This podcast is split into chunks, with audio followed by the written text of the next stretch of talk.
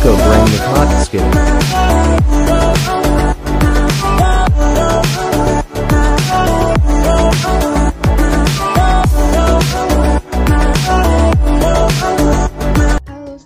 selamat bergabung. Oke, kita tunggu dulu ya pembicara kita kali ini.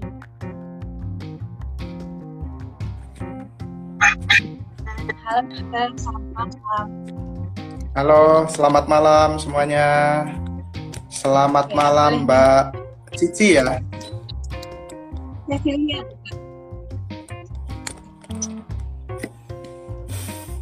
Jadi, oke dok, kita mulai aja kali ya dokter. Ah, oke silakan.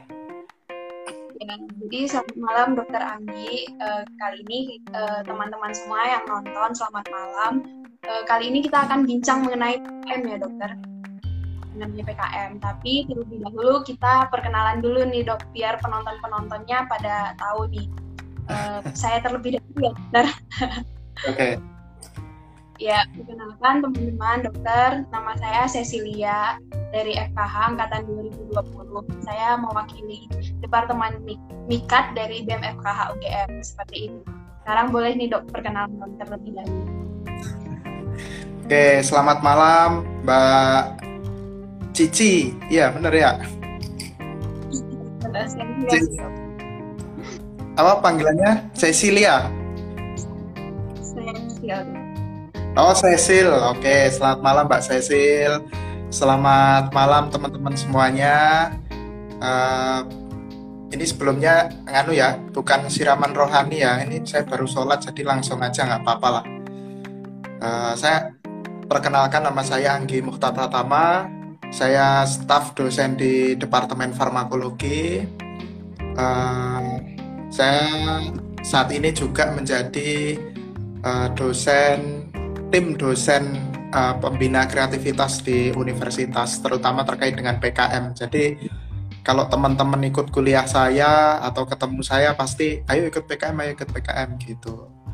Ya. Cuman ini rambut gondrongnya ini jangan ditiru ya. Cukup saya aja. Oke, baik. Kita boleh nih dok langsung cerita aja nih gimana sih gambaran umumnya nih PKM ini dok. Soalnya nih dari question eh, dari Google Form yang kita bar kemarin masih banyak nih yang masih bertanya-tanya apa sih sebenarnya UKM itu terutama bagi yang angkatan 2020 nih dok masih banyak yang gambaran mengenai PKM itu masih kayak ngambang gitu dok boleh nih dijelaskan Oke, terima kasih Mbak Cecil. Jadi PKM itu adalah program kreativitas mahasiswa. Ini salah satu program dari Dikti ya, eh, Dirjen Pendidikan Tinggi. Dulu menaungi vokasi dan S1, tapi sekarang menaungi S1. Jadi ini adalah salah satu ajang di mana eh, wadah bagi mahasiswa untuk menuangkan kreativitas, ide kreativitasnya. Jadi kan kalau kita bayangkan ya, kita gambarkan. Kita itu kan dapat ilmu itu dari bangku kuliah ya. Kemudian mungkin di situ kita ada suatu pertanyaan. Saya baru kuliah dengan Dr. Anggi, mengetahui tentang apa sih pengertian dari obat, apa sih farmakokinetik, apakah apa sih farmakodinamik misalkan seperti itu ya. Nah, kemudian eh, apa namanya? pertanyaan-pertanyaan itu atau permasalahan-permasalahan itu bisa kita eh, selesaikan lewat jalur PKM. Nah, awalnya itu memang seperti itu. Jadi ini wadah ya, mohon maaf ya. Jadi kalau teman-teman itu daripada menghabiskan waktu untuk demo, menuntut ini dan sebagainya, kalau saya saya dorong teman-teman, ayo kita selesaikan nih masalah bangsa ini lewat PKM gitu. Jadi memang benar-benar nyata dan kita ini dikasih dana ya kita kita ada dana dari pemerintah dan kita akan bisa merealisasikan eh, ide atau gagasan kita untuk menyelesaikan berbagai permasalahan. Wah, baik dok. Jadi kayak lebih baik kita mengembangkan kreativitas kita seperti itu ya dok daripada mengikuti hal yang mungkin kurang baik seperti itu. Oke dok. Tapi ini masih eh, ada pertanyaan, eh, boleh dijelasin nih dok eh, mengenai PKM 5 bidang gitu-gitu dok. dengan PKM GFK gitu. Soalnya banyak yang nanya uh, kayak boleh nggak sih kita ikutin uh, misalnya kita ikut PKM GFK boleh juga nggak ikut PKM GT gitu dok? Oke, jadi PKM itu ada PKM 6 bidang, kemudian ditambah PKM KT. Ya, PKM 6 bidang itu terdiri dari PKM RE, ya dulu PKM PE, Riset Eksakta dan Riset Sosial Humaniora. Jadi penelitian-penelitian terkait, terkait dengan eksak dan penelitian-penelitian terkait dengan sosial humaniora. Nah, di penelitian ini mahasiswa FKUGM tahun lalu itu meneliti terkait dengan uh, daging anjing. Kalau teman-teman pernah mendengar makan daging dengan sayur kol, nah itu per, waktu itu sempat dikaji dan berhasil lolos PIMNAS. Ya, nah tahun ini kalau teman-teman pengen mengangkat itu juga nggak masalah. Misalkan kemarin di Medan itu ada apa namanya uh, daging kucing misalkan, nah itu diangkat juga bisa itu menarik. Itu ya PKM RE riset eksakta dan riset sosial humaniora. PKM RSA. Kemudian ada lagi PKM kewirausahaan. Jadi ide kreativitas terkait bidang kedokteran hewan yang digunakan untuk kewirausahaan. Nah, pokoknya hasil hasil hasil uh, muatan iptek yang uh, dihilirisasi dalam bentuk kewirausahaan. Contohnya uh, teman kalian tahun lalu uh, tahun ini direalisasikan ya Christopher Clement tahun 2000 angkatan 2017 itu menggunakan uh, membuat seperti apa ya pampers lah untuk anjing. Nah, itu juga berhasil lolos PIMNAS dan mendapatkan medali perunggu. Kemudian ada juga bikin bidai. Nah, kayak kayak gitu. Pokoknya muatan iptek hasil hasil apa namanya? bidang kedokteran hewan yang bisa di uh, komersilkan itu PKM kewirausahaan. Nah PKM kewirausahaan ini yang nggak boleh dilakukan itu adalah bisnis atau usaha di bidang pangan, makanan, minuman dan juga pakaian itu nggak boleh ya. Oke, yang lain itu. Nah kemudian ada PKM pengabdian kepada masyarakat PKM PM. Nah, PKM ini kegiatannya pengabdian. Kalau teman-teman BEM biasanya saya lihat ada Vet Ranger. Nah, itu bisa diajukan itu. Ya, tapi dengan catatan harus ada mitra. Nah, mitranya harus non produktif. Non produktif itu misalnya ibu-ibu PKK, ibu-ibu KWT, kelompok wanita tani, kemudian Karang Taruna dan sebagainya. Nggak boleh berbasis RT RW ataupun kepala desa uh, ataupun desa ataupun kecamatan itu nggak boleh. Nah, kemudian ada yang mirip dengan PKM pengabdian pada masyarakat yaitu PKM penerapan IPTEK, PKMPI. Nah, dia sama-sama melakukan pengabdian kepada masyarakat, tapi PKMPI ini uh, harus ada muatan IPTEK yang dihilirisasi. Ya, IPTEK ilmu pengetahuan dan teknologi ya, nggak cuma alat tapi konsep, kemudian prototipe itu juga bisa. Kemudian mitranya harus mitra yang produktif, misalnya kelompok ternak, pengrajin dan sebagainya. Yang intinya kita lakukan kegiatan pengabdian, outputnya eh, apa namanya kelompok masyarakat itu nanti bisa meningkatkan eh, profitnya, gitu ya.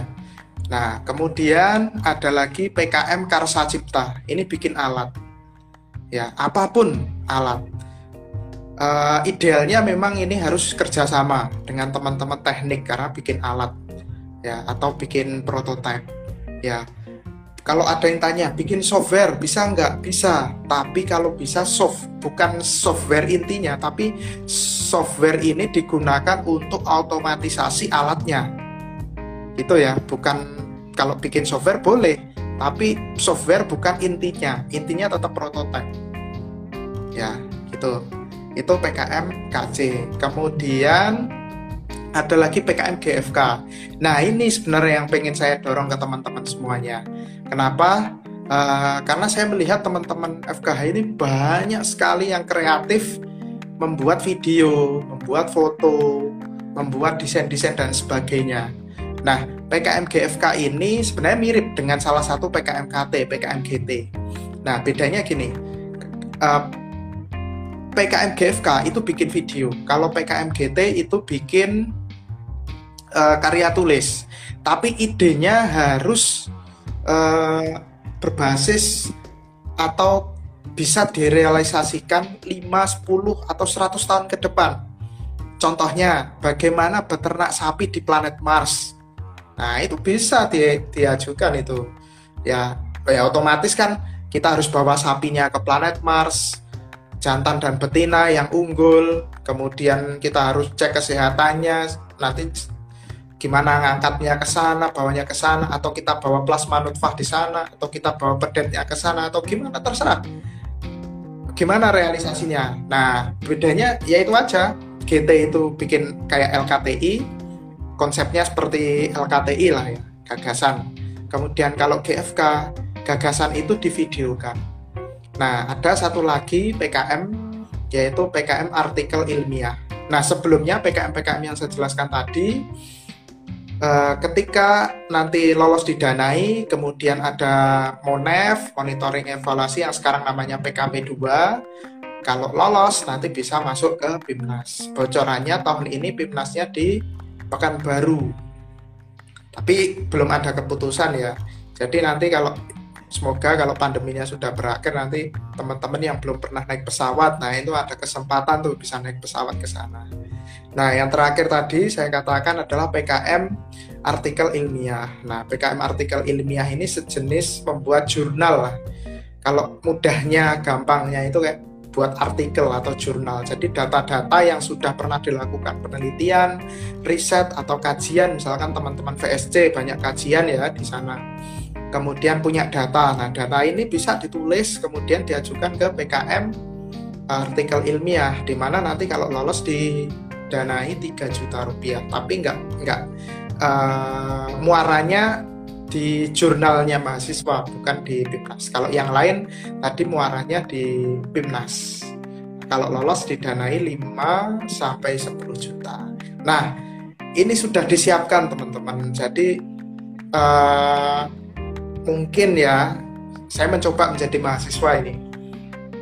Uh, mungkin teman-teman semuanya di sini, wah ini UKT kemahalan kuliah daring kok UKT-nya tetap atau bagaimana dan sebagainya. Nah, ini adalah salah satu solusi menurut saya. Selain uh, ini juga bisa menambah uang jajan teman-teman kalau berprestasi nanti dapat bonus. Nah, bahkan uh, saya lihat informasi terbaru bahwa uh, yang bikin proposal aja lolos dari UGM itu per proposal dapat 250. Kalau teman-teman bikin satu orang bisa bikin empat, Nah, udah satu juta. Dulu saya aja bisa bikin delapan, bikin sembilan proposal. Nah, kadang ini ini kesempatan ini buat teman-teman. Itu itu belum juara loh. Nanti kalau juara bisa tambah lagi. Dan saya tambahkan lagi, mumpung belum lupa, bahwa eh, PKM ini juga sedang digodok atau sedang dikaji oleh rektor untuk dijadikan sebagai salah satu kegiatan Merdeka Belajar sehingga nanti ada muatan SKS-nya ya ada muatan SKS-nya dan nanti uh, ketika teman-teman ngambil PKM ya nanti hasil PKM-nya bisa masuk ke ijazah dan menambah SKS itu itu Mbak Cecil. Ya. Iya dokter, berarti banyak banget ya sebenarnya uh, bidang-bidangnya yang bisa diikutin oleh mahasiswa gitu ya dok? Uh, banyak. Ya, mahasiswa untuk mengikuti PKM ini seperti itu ya dokter? Iya. Uh, boleh cerita nggak nih dokter apa gimana selama uh, mendampingi mahasiswa yang ikut PKM gimana ada kendalanya atau uh, sebenarnya PKM itu asik loh sebenarnya gitu dokter apa gimana dok? Boleh dok ceritain. Jadi memang PKM itu ya faktanya ya memang menyita banyak waktu. Kalau teman-teman ikut PKM-nya lebih dari dua. Makanya di proposal itu kan disarankan memang maksimal dua.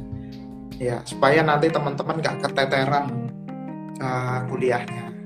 Nah itu ya tapi menurut saya walaupun memang banyak menyita waktu, tapi saya aja ya selama mahasiswa dulu itu saya merasa ketagihan ikut PKM.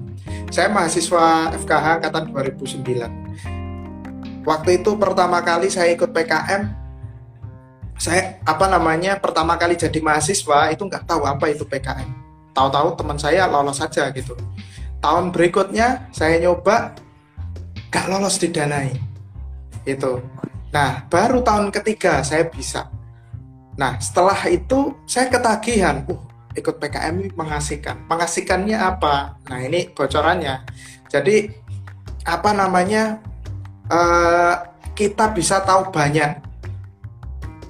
Nggak sebatas ilmu yang kita dapatkan dari kuliah maupun dari uh, praktikum seperti itu.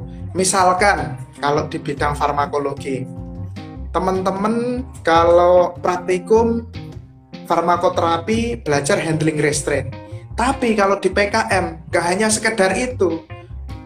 Kalian nggak cuma latihan gimana nyekok, gimana nginjek dan sebagainya, tapi teman-teman benar-benar aplikasi, kemudian membuktikan hasil penelitian, kemudian membuktikan apa yang terjadi bila apa namanya uh, hewan coba ini diberi ekstrak ini, terus kemudian dampaknya seperti apa. Nah, itu pengalaman yang luar biasa. Apalagi ya, apalagi saya tambahkan teman-teman yang punya cita-cita ingin lanjut studinya ya terutama ya ini sangat penting dan modal penting nanti kalau teman-teman bisa nulis jurnal kemudian bisa dipublikasi ini bisa menjadi uh, modal penting. Nanti kalau ketemu profesornya saya pernah melakukan penelitian ini dan sebagainya.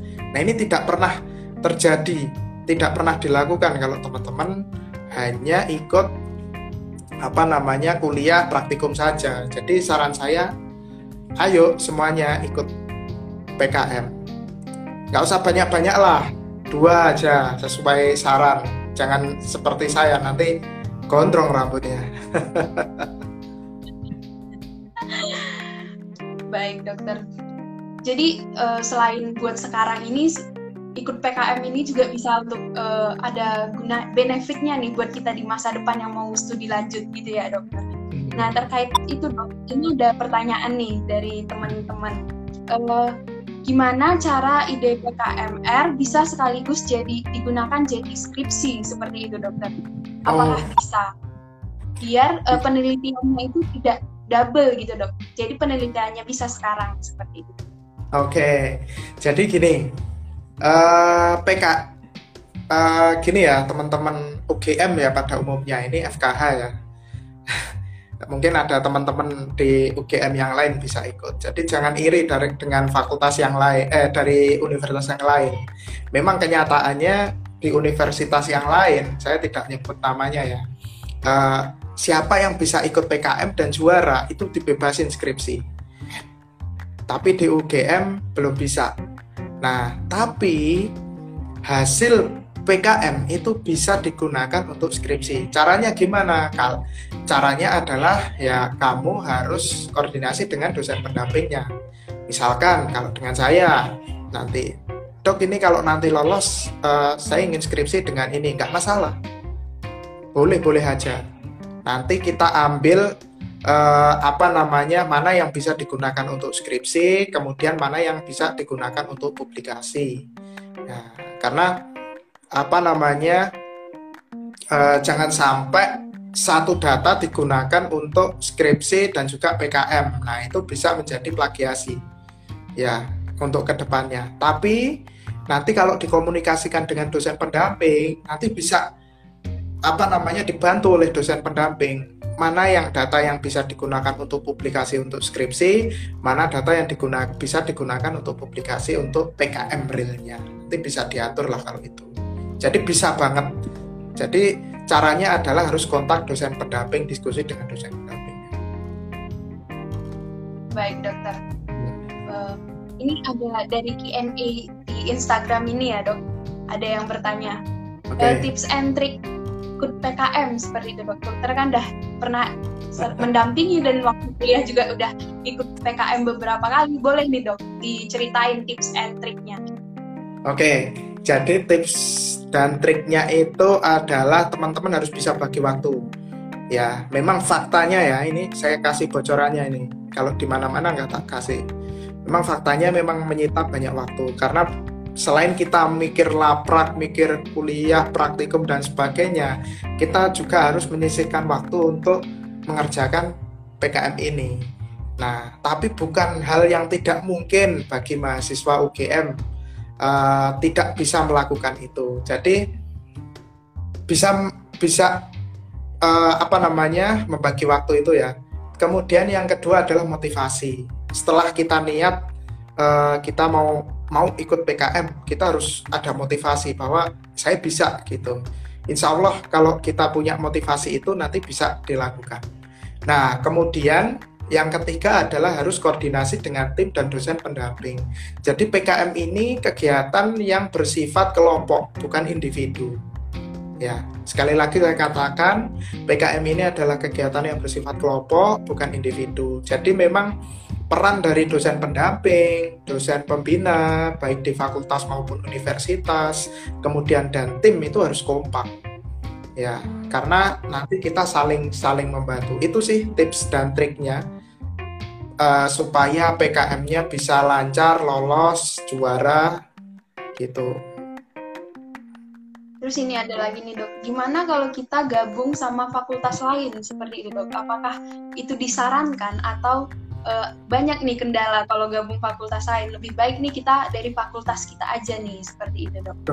Malah disarankan untuk gabung dengan fakultas yang lain anggotanya anggotanya loh ya jadi prinsipnya teman-teman bisa menjadi anggota di ketua dari fakultas atau prodi yang lain itu pertama yang kedua saya lebih senang karena dari FKH ya. Saya lebih senang kalau ketuanya dari FKH tapi juga harus dilihat dari idenya.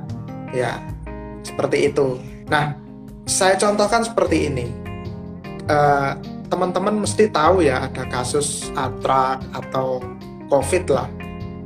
Itu kan awalnya kan penyakit itu kan bersumber dari hewan hewan liar. Nah itu tupoksinya siapa? Dokter hewan tapi kalau sudah menyebar ke manusia tupoksinya siapa? Dokter manusia. Nah oleh karena itu uh, intinya adalah segala suatu masalah baik penyakit maupun problem di masyarakat dan sebagainya itu tidak bisa diselesaikan oleh satu bidang studi saja. Tapi memang selayaknya harus diselesaikan oleh berbagai multidisiplin. Kalau teman-teman belajar One Health ya nah itu salah satunya. Seperti itu. Sangat-sangat disarankan. Dan beda angkatan sangat disarankan.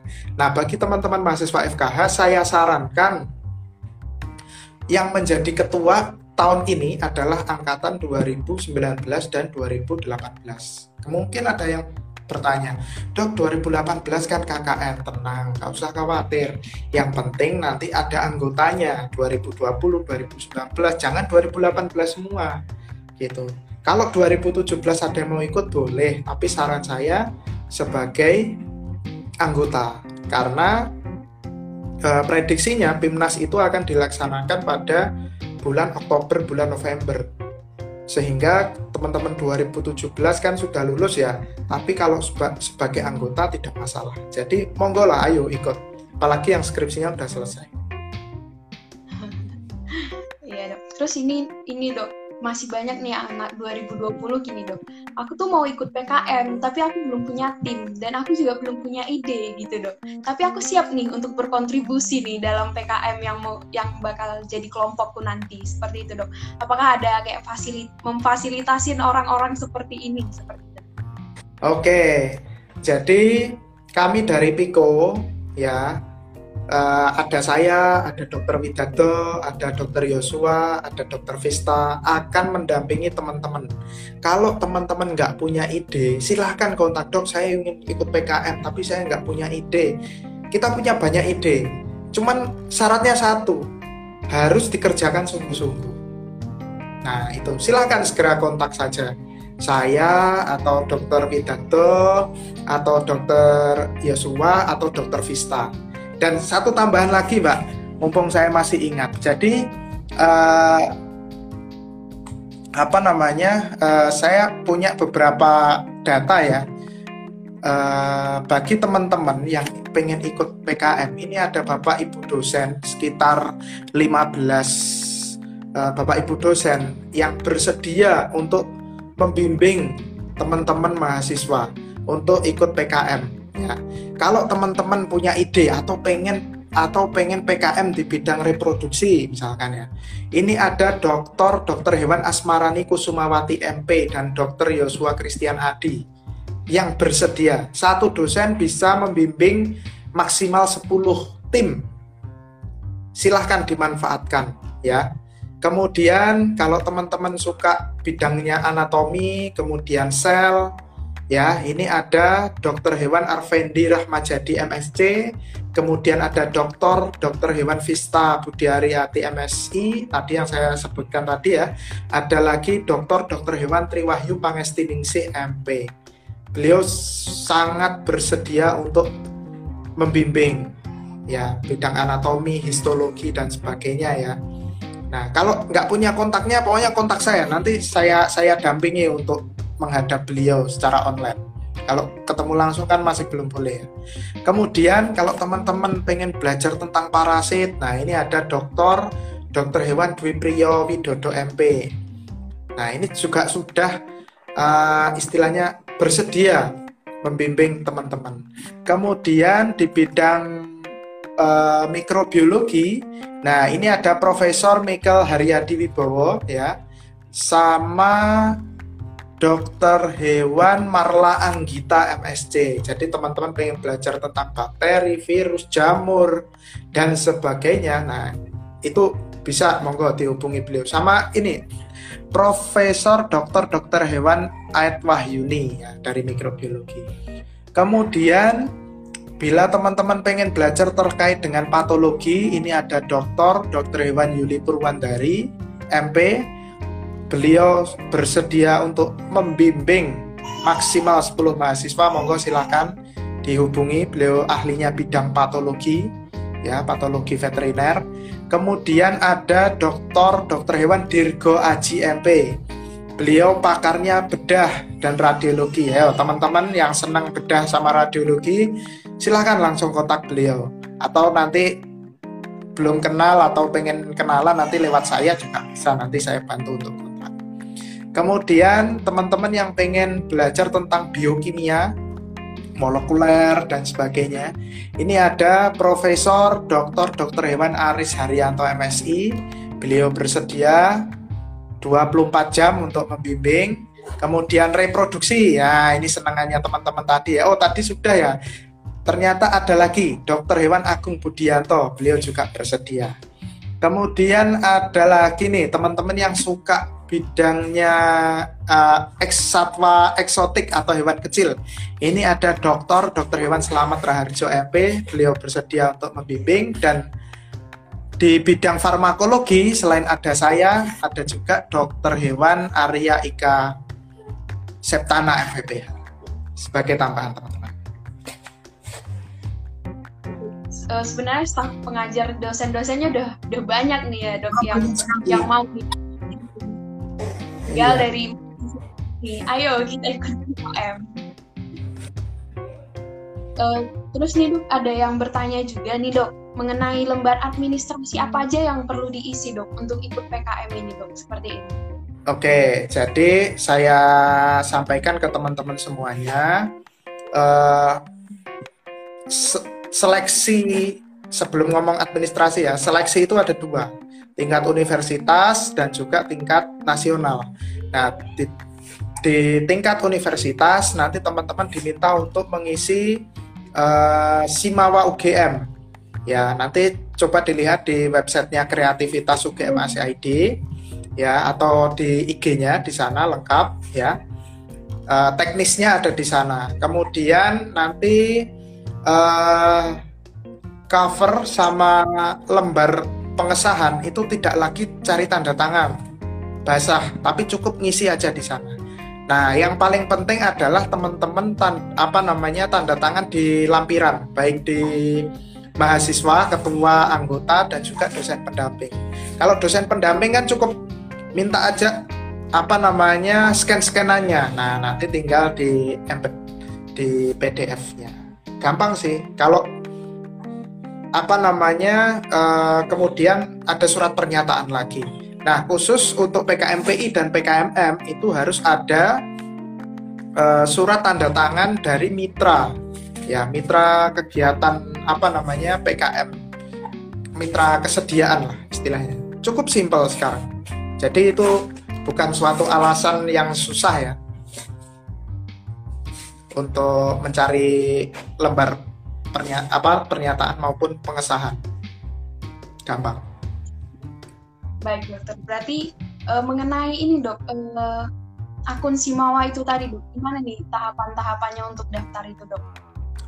Oke, tahapan-tahapannya adalah teman-teman nanti login ya di situ ya, pakai apa namanya si masternya itu ya, si master teman-teman itu ya.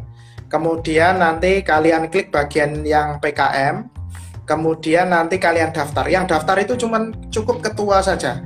Oke ya, cukup ketua saja.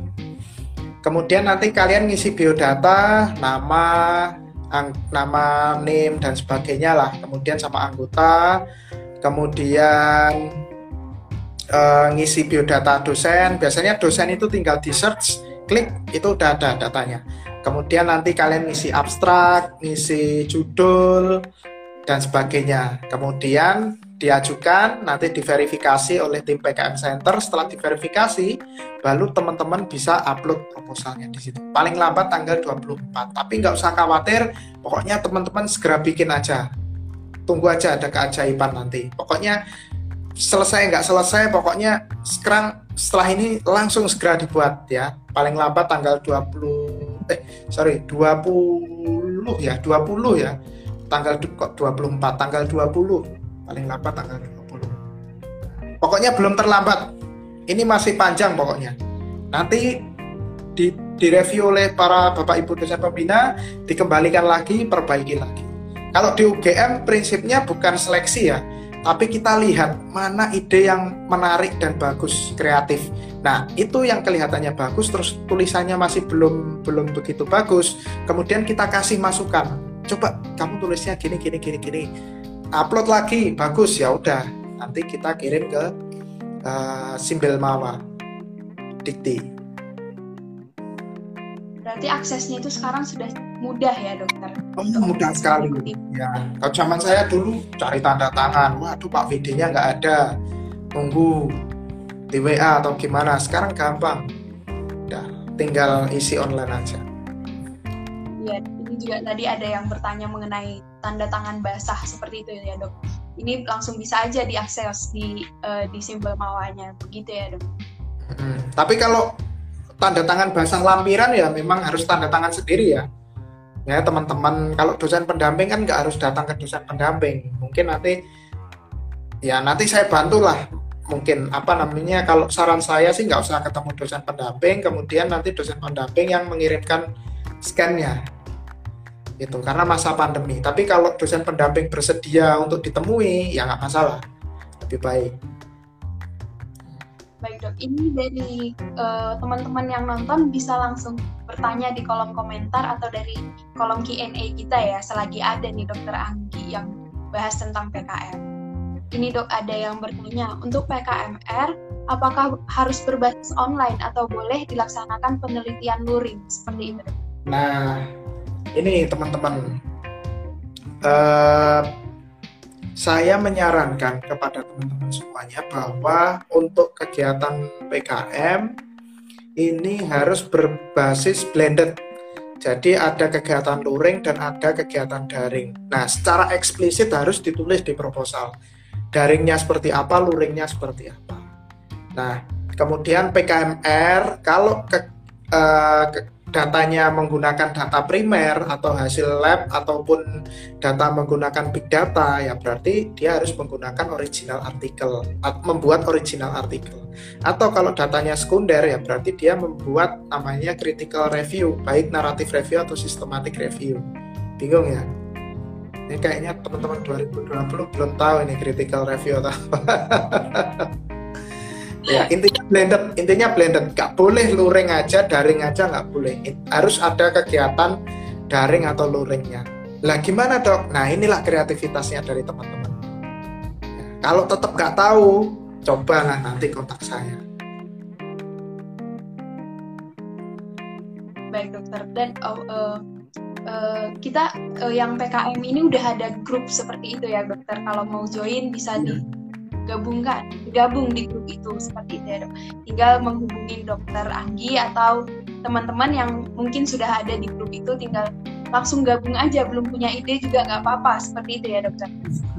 Iya pokoknya belum terlambat. Ya teman-teman ingat pokoknya intinya belum terlambat segera. Minggu inilah kalau bisa. Harus punya ide sudah harus nulis. Ya. Tanggal 20 ya dok terakhir uh, untuk mm -hmm. pengumpulan prop Ya, tapi itu kan masih di tingkat universitas. Nanti akan direview oleh Bapak Ibu dosen, kemudian nanti apa namanya akan dikembalikan lagi.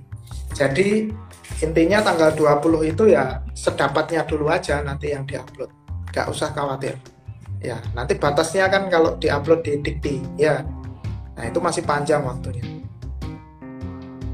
mau bicara tentang waktu nih dok. Boleh nih uh, kasih timelinenya gitu. Tanggal-tanggal okay. berapa? Oke. Okay. kalau data sementara timelinenya tanggal 20 itu paling lambat dikumpulkan di tingkat universitas. Kalau bahasanya ini seleksi tingkat universitas. Tapi sebenarnya di situ ya apa ya lebih banyak ke memberikan masukan-masukan harusnya seperti ini seperti ini dibuat seperti ini. Coba metodenya diubah gini-gini dan sebagainya. Kemudian nanti dikembalikan lagi oleh mas kepada mahasiswa. Kemudian tanggal 27 itu kalau nggak salah itu batas uploadnya lagi ke UGM kemudian nanti UGM uh, eh, mengeluarkan apa namanya uh, pengumuman siapa nanti yang akan lolos nah siapa nanti yang akan lolos itu nanti akan dibuatkan akun simbel mawa dikti nah nanti cukup ketua aja nanti ngisi biodata dan sebagainya ngisi, masukin masukin data-data lagi ya kemudian nanti upload proposal yang sudah sesuai dengan arahan dosen pembina UGM kemudian diupload di sana tanggal 28 Februari. Sementara seperti itu, kita nggak tahu, kita tunggu aja keajaiban. Semoga nanti uh, ada perpanjangan, tapi uh, saya katakan di sini tidak usah mengharapkan perpanjangan ya. Yang penting fokusnya adalah segera dikerjakan daripada terlambat. Jangan menunggu-nunggu teman-teman 2020. Wah besok aja lah, sekarang sibuk lah kalau tahun depan tambah lagi sibuk lagi nanti ada praktikumnya dan sebagainya tapi kalau teman-teman sekarang ikut nanti teman-teman misalkan masuk ngikuti mata kuliah farmakologi kuliah apa namanya fisiologi dan sebagainya. Wah itu waktu itu saya kerjakan itu waktu PKM dan sebagainya. Malah gitu nanti. Ya jadi nggak usah ditunda-tunda segera dibuat idenya. Ditulis proposalnya ya. Jangan berwacana tapi kerja kerja kerja tulis tulis tulis. Nggak tahu tanya saya. Kalau takut sama saya wah itu dokter Anggi itu gondrong misalkan. Tanya dokter Yosua dokter Vista ya dokter Vista itu ahli di bidang sel ya beliau S3-nya bidang sel nah itu kalau teman-teman pengen belajar tentang sel boleh kontak dokter Vista atau dokter Widanto terkait dengan zoonosis dan sebagainya. Kita sangat terbuka. Baik dokter. Buat teman-teman nih yang masih mau bertanya-tanya tentang PKM, masih boleh nih ditanya di kolom komentar maupun di kolom Q&A kita seperti ini. Uh, ini uh, yang bertanya, kalau aku join PKM itu sebenarnya apa sih yang aku dapat selain pengalaman seperti itu dok? Oke, Uh, kalau saya ya, uh, secara nggak langsung apa namanya, saya kayak merasa mendapatkan beasiswa gitu dari PKM, karena memang realitanya adalah uh, beberapa dana yang didapatkan itu tidak boleh untuk honorarium, untuk konsumsi dan sebagainya. Tapi akan tetapi uh, saya nggak ngajari untuk cheating ya atau seperti apa tapi uh, apa namanya dalam melakukan kegiatan itu kan kita juga butuh ya kalau kegiatannya apa namanya capek terus kemudian eh, butuh tenaga apalagi di masa pandemi ini dan sebagainya. Nah, beberapa eh, biaya yang mungkin kita anggarkan untuk transportasi itu bisa nanti kita bisa gunakan untuk apa namanya eh, untuk kegiatan konsumsi, tapi memang tidak boleh ditulis di proposal. Nah, ini eh, apa namanya? Kadang-kadang yuk rapat yuk nah, gitu. Mikir, aduh nggak bisa. Kalau dulu itu zaman saya mahasiswa itu ada kali milk.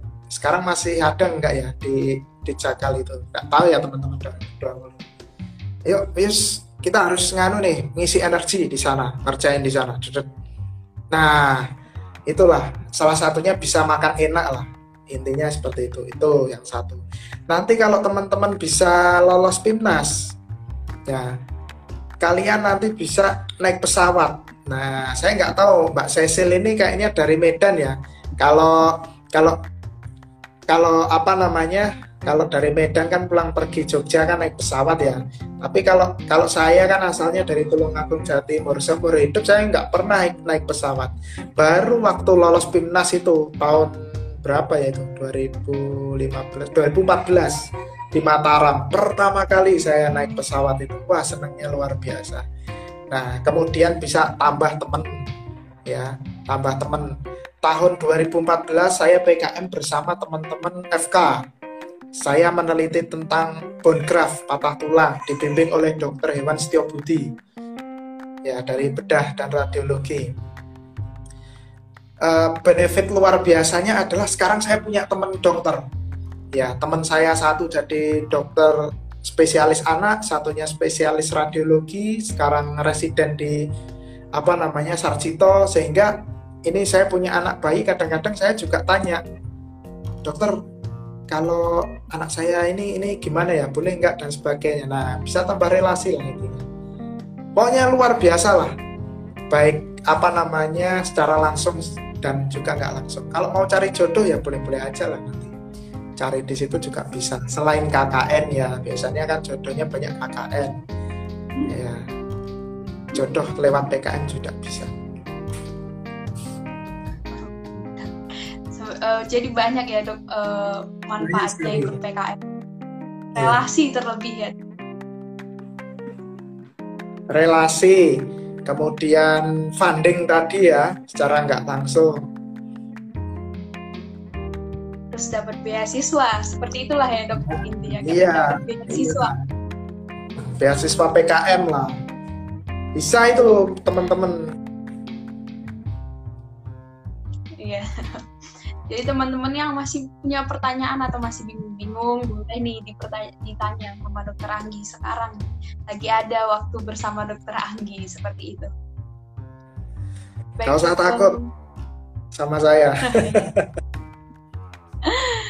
Uh, ini dok uh, biasanya kan apa sih yang kendala kendala-kendala yang dihadapi mahasiswa dalam ikut PKM ini? Seperti itu dok. Uh, boleh nggak kasih tahu kendalanya sama gimana cara mengatasi kendala ini? Seperti Oke, jadi kendala utamanya adalah tidak kompak ya. Nah, ini juga menjadi perhatian nih buat teman-teman. Jadi kalau bikin tim itu harus benar-benar dipastikan walaupun yang punya ide misalkan teman-teman mahasiswa dua angkatan 2020 kemudian kita harus ngajak angkatan 2019 atau 2018 sebagai ketua tapi harus dipastikan bahwa um, mereka adalah orang yang bisa dipercaya. Saran saya, kalau nggak nemu mahasiswa angkat 2019 atau 2020 yang eh sorry sorry. Kalau mahasiswa 2020 yang punya ide nggak nemu kakak kelas saran saya itu ketua BEM atau it, apa namanya jajaran BEM-nya itu jadi ketua aja nggak apa-apa. Tapi motor penggeraknya teman-teman 2020 kayak gitu. Nah kemudian ketua ketua ini punya peranan penting karena apa? Karena segala segala akun untuk pendaftaran, pelaporan, kemudian dana ditransfer dan sebagainya di ketua sehingga sebisa mungkin ketua itu harus amanah. Nah, menurut saya kendala paling utama itu adalah kekompakan. Wajar sih kalau misalkan apa namanya di tengah jalan kita stuck terus saling bertengkar wajar. Dulu saya juga kayak gitu namanya juga mahasiswa. Biasanya oh, saya kelaprak oh nggak bisa saya laprak kalau nggak bisa. Ah kadang-kadang seperti itu. Jadi memang idealnya memang dua sih untuk ngajuin proposal. Tapi kalau teman-teman bisa bisa lebih dari dua ya nggak masalah. Bisa bikin proposal lebih dari dua tapi memang idealnya dua. Biar permasalahan-permasalahan itu nggak nggak nggak nggak banyak gitu. Itu aja dari saya. Baik dokter uh, udah banyak banget nih dokter Anggi uh, sharing-sharing nih tentang HM gambaran umum PKM apa yang didapatkan mahasiswa dari PKM gitu dok. Uh, harapan dokter nih uh, untuk mahasiswa FK uh, UGM khususnya FKH UGM seperti itu ya dok untuk uh, PKM di 2021 ini seperti apa dokter? Oke, Mbak Cecil dan teman-teman yang saya banggakan. Jadi uh, faktanya ya teman-teman semuanya kita dari Universitas Gajah Mada ini sudah tiga kali juara umum berturut-turut. Harapannya tahun ini kita bisa menjadi juara keempat kali yang berturut-turut. Ya.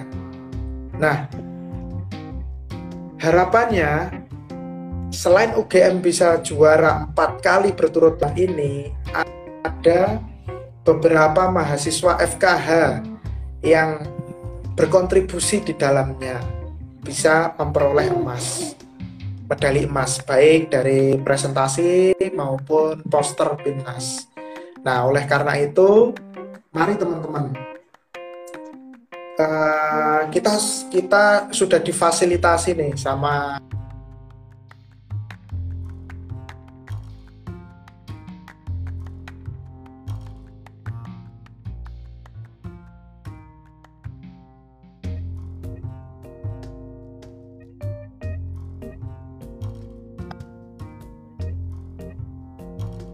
oleh karena itu ayo kita rame-rame ikut PKM supaya juara umum ini bisa kita pertahankan dan prestasi mahasiswa FKH UGM di tingkat nasional itu terus ada. Harapan saya seperti itu. Jadi kita itu ya Mbak, tiap tahun itu dari FKH itu pasti ada yang juara. Kontribusi uh, juara umumnya UGM. Nah harapan saya itu nggak cuma satu dua, harapan saya itu kalau bisa itu semuanya itu kontribusinya dari mahasiswa FKH itu bisa. Karena karena apa? Karena kita itu fasilitasnya ada itu loh. Mau dosen pendamping tadi sudah banyak ada 15. Dosen pembina kita ada 4. Ya. Mau konsultasi daring luring kita kita siap. Nah, maka dari itu tinggal ini menggugah semangatnya teman-teman ini. Ayo, ayo pada bikin proposal kita dampingi. Kalau nggak punya ide kita uh, fasilitasi. Yang penting harus serius dikerjakan. Baik dokter. Uh, semoga uh, UGM bisa menjadi pemenang lagi ya dok di tahun 2021 ini.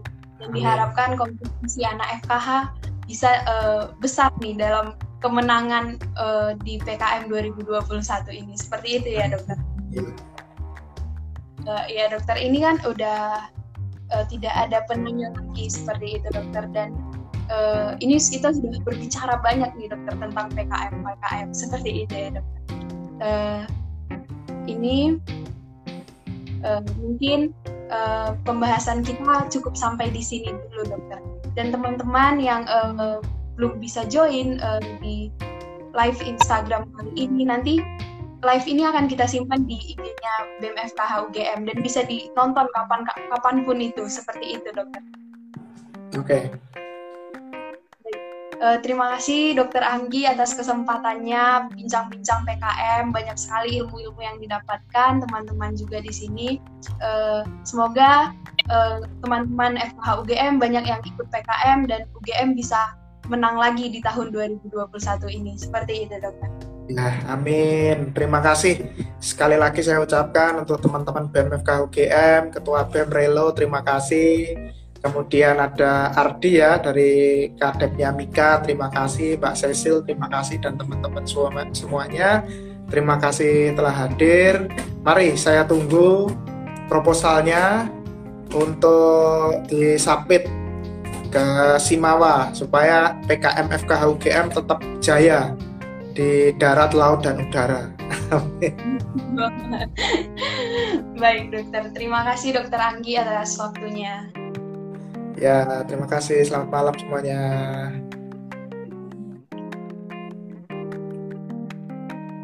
Baik teman-teman semuanya, uh, live ini bakalan saya akhirin ya. Bye-bye, selamat malam.